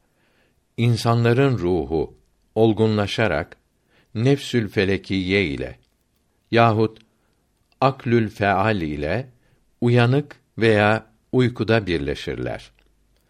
Dünyada olan her şeye bu ikisi sebep olmaktadır. İnsanın ruhu bu ikisiyle birleşince bunlarda bulunanlara haber alır derler. Bunları Yunan felsefeleri bildirmedi. Sonra gelen İbn Sina ve benzerleri söylediler. İmam Ebu Hamid Gazali ve Muhyiddin İbnül Arabi ve Endülüslü felsefeci Kutbüddin Muhammed İbnü Seb'in de böyle şeyler söylemişlerdir. Bunlar felsefecilerin sözleridir. İslam dininde böyle şeyler yoktur. Böyle sözlerle doğru yoldan ayrılmışlar. Şia ve İsmailiye ve Karamiti ve batıni mülhitleri gibi mülhit olmuşlardır. Ehli sünnet ve hadis alimlerinin ve Fudayl bin İyad gibi ehli sünnet olan tasavvufçuların hak yollarından ayrılmışlardır. Bunlar bir yandan felsefeye dalmışlar, bir taraftan da Mutezile ve Küramiye gibi fırkalara karşı mücadele etmişlerdir. Tasavvufçular üçe ayrılır. Birincisi hadis ve sünnet ehlidir. İkincisi Küramiye gibi bid'at ehlinden olanlardır. Üçüncüsü İhvanüs Safa kitaplarına ve Ebül Hayya'nın sözlerine uyanlardır.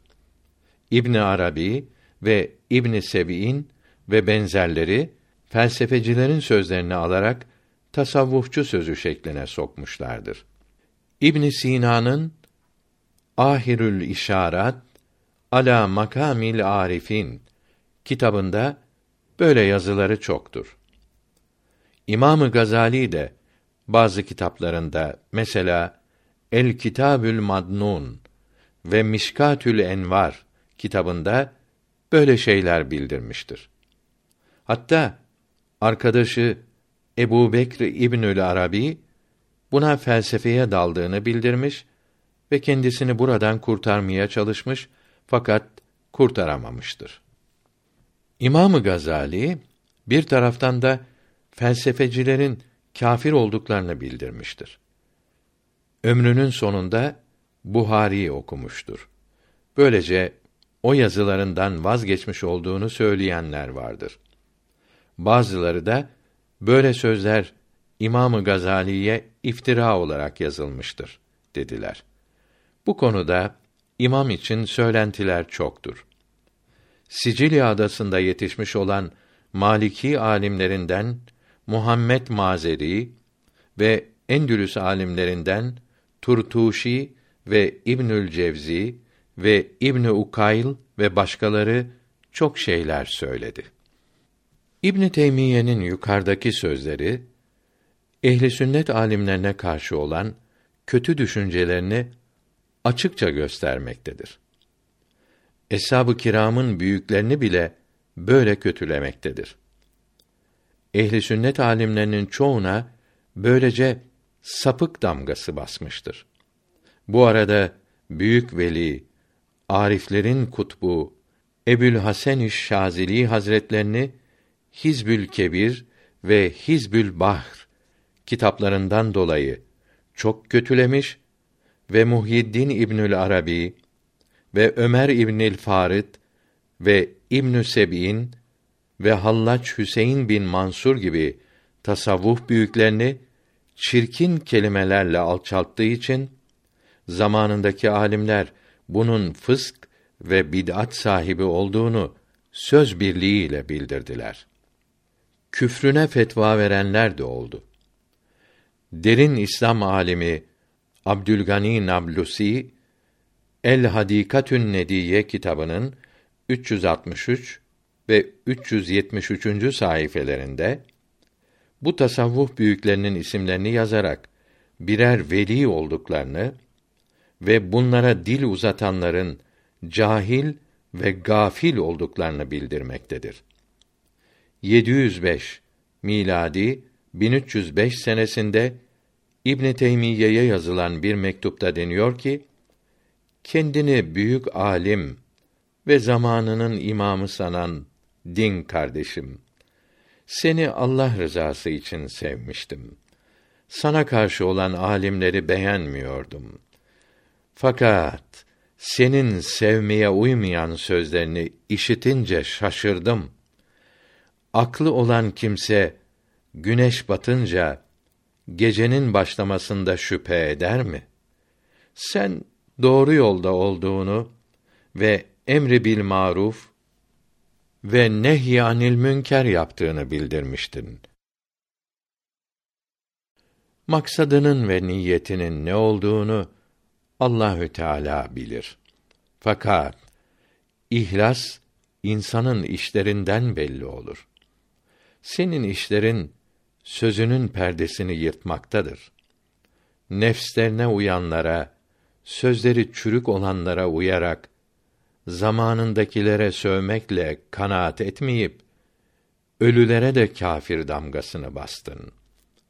Selefi salihinden sonra gelenlere saldırdığın yetişmiyormuş gibi eshab-ı kirama ve bunların büyüklerine de dil uzattın. Kıyamet günü bu büyükler haklarını istedikleri zaman ne hale düşeceğini düşünmüyor musun? Salihiye şehrinde Camiül Cebel minberinde Hazreti Ömer'in radıyallahu teala an yanlış sözleri ve belaları vardır dedin. Bu belalar neymiş? Selefis salihinden hangi belayı işittin? Hazreti Ali'nin radıyallahu teala an 300'den fazla hatası olduğunu söylüyorsun. Hazreti Ali böyle olunca senin doğru bir sözün olabilir mi? Şimdi sana karşı harekete geçiyorum. Müslümanları senin şerrinden korumaya çalışacağım. Çünkü azgınlığın haddi aştı. Eziyetlerin bütün dirilere ve ölülere ulaştı. Müminlerin senin şerrinden sakınmaları lazımdır. İbn Teymiyye'nin selef-i salihinden ayrıldığını gösteren meseleleri Tacuddin Sübki şöyle bildirmektedir. 1. Talak vakı olmaz. Yemin kefareti vermek lazımdır diyor. Kendisinden evvel gelen İslam alimlerinden hiçbiri kefaret verileceğini bildirmedi. 2. Hait kadına verilen talak vaki olmaz diyor. 3 amden kasten terk edilen namazı kaza etmek lazım değildir diyor. 4. Hait kadının Kâbe'yi tavaf etmesi mübahtır. Kefaret vermez diyor. 5. Üç olarak verilen talak bir talak olur diyor. Halbuki bunu bildirmeden önce İcmaül Müsliminin böyle olmadığını kendisi senelerce söylemiştir. 6. İslamiyete uygun olmayan vergiler bunu isteyene helaldir diyor. 7. Bunlar tüccardan alınınca niyet edilmese bile zekat yerine geçer diyor. 8. Suda fare gibi hayvan ölünce nets olmaz diyor. 9. Cünüp olanın gece gusletmeden nafile namaz kılması caizdir diyor. 10. Vakıfın yaptığı şarta itibar olunmaz diyor. 11. İcma-ı ümmete uymayan kimse kâfir olmaz ve fasık olmaz diyor. 12. Allahü Teala mahalli havadistir ve zerrelerden yapılmıştır diyor. 13. Kur'an-ı Kerim Allahü Teala'nın zatında yaratılmıştır diyor. 14. Alem yani her mahluk nev'i ile kadimdir diyor. 15. Allah iyi şeyleri yaratmaya mecburdur diyor. 16. Allahü Teala'nın cismi ve ciheti vardır ve yer değiştirir diyor.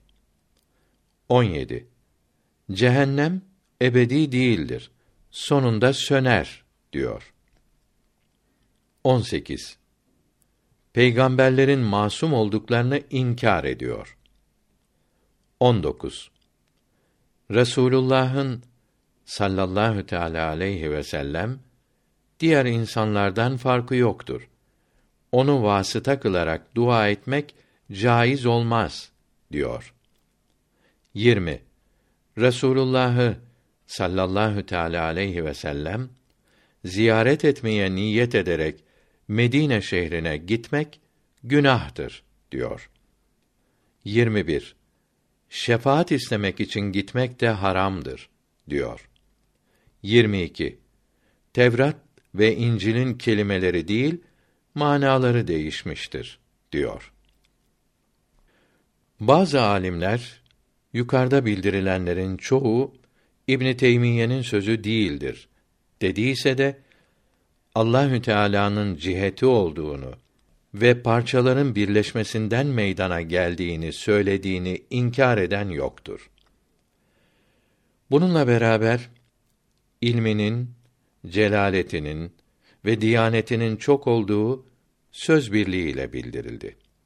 Fıkh, ilm, adl ve insaf sahibi olanın bir şeyi incelemesi, ondan sonra ve ihtiyatlı olarak karar vermesi lazımdır.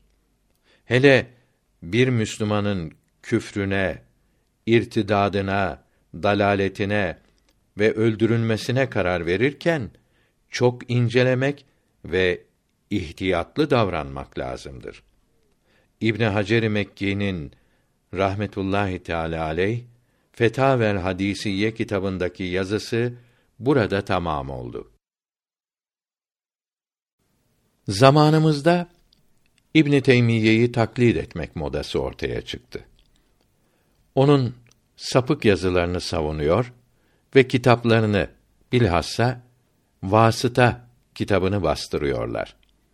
Bu kitap baştan başa onun Kur'an-ı Kerim'e ve hadis-i şeriflere ve icma-ı müslimine uymayan fikirleriyle doludur. Okuyanlar arasında büyük fitne ve bölücülük uyandırmakta, kardeşi kardeşe düşman etmektedir. Hindistan'da bulunan Vehhabiler ve başka İslam memleketlerinde bunların tuzaklarına düşmüş olan cahil din adamları İbn Teymiyye'yi kendilerine bayrak yapmışlar, ona büyük müçtehit, Şeyhül İslam gibi isimler takıyorlar. Onun sapık fikirlerine, bozuk yazılarına din ve iman diye sarılıyorlar. Müslümanları parçalayan, İslamiyeti içerden yıkan bu feci akıntıyı durdurmak için ehli sünnet alimlerinin onu reddeden, vesikalarla çürüten kıymetli kitaplarını okumalıdır. Bu kıymetli kitaplar arasında büyük imam, derin alim Takiyüddin Sübki'nin rahmetullahi teala aleyh Şifaü's Sikam fi ziyareti hayril en'am kitabı İbn Teymiyye'nin bozuk fikirlerini mahvetmekte, fesatlarını yok etmekte, inatçılığını ortaya koymaktadır. Kötü niyetlerinin, bozuk inanışlarının yayılmasını önlemektedir. 10. El Cemaatül İslamiye bid'at fırkasını 1360 Hicri 1941 miladi senesinde Hindistan'da Mevdudi isminde bir mezhepsiz kurmuştur. 1988 tarihli Eş-Şakikan ismindeki kitapta Humeyni'yi metheden yazıları mevcuttur.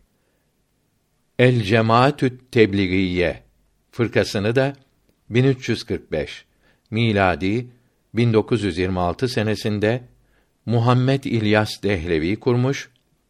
1363 miladi 1944'te ölmüştür. Yerine geçen oğlu Muhammed Yusuf Arabi Hayatü's Sahabe kitabında eshab-ı kiramı çok methederek gençleri aldatmaktadır. Ömer Rıza Doğrul'un İngilizceden Türkçeye tercüme ettiği Asr-ı Saadet Tarihi başka olup El Faruk kitabının müellifi olan Hindistanlı Şibli Numani'nin Es-Siretün Nebeviye kitabının tercümesidir. Yusuf 1394 miladi 1974'te öldü. Faydalı Bilgiler kitabına bakınız. Şibli Numani 1332 miladi 1914'te öldü. Herkese lazım olan iman kitabında El Faruk kitabı geniş anlatılmaktadır. Ehli sünnetten ayrılmış olanlar yukarıda bildirdiğimiz isimler altında gizlenerek kendilerini Müslüman tanıtıyorlar.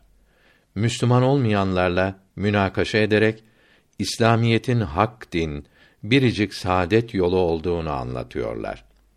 Bunu anlayanlar hemen Müslüman oluyorlar. Fakat bu zavallıları aldatarak kendi bozuk fırkalarına çekiyorlar. Nobel mükafatı almış olan fizikçi Abdüsselam Kadiyani'dir. 1980 senesinde Cenup Afrika'da Hristiyanlarla mücadele ederek onları İslamiyete cezbeden Ahmet Didat da ehli sünnet değildir. Bu mezhepsizler yeni Müslüman olanların ehli sünnetin hak yoluna, ebedi saadete kavuşmalarına mani olmaktadırlar.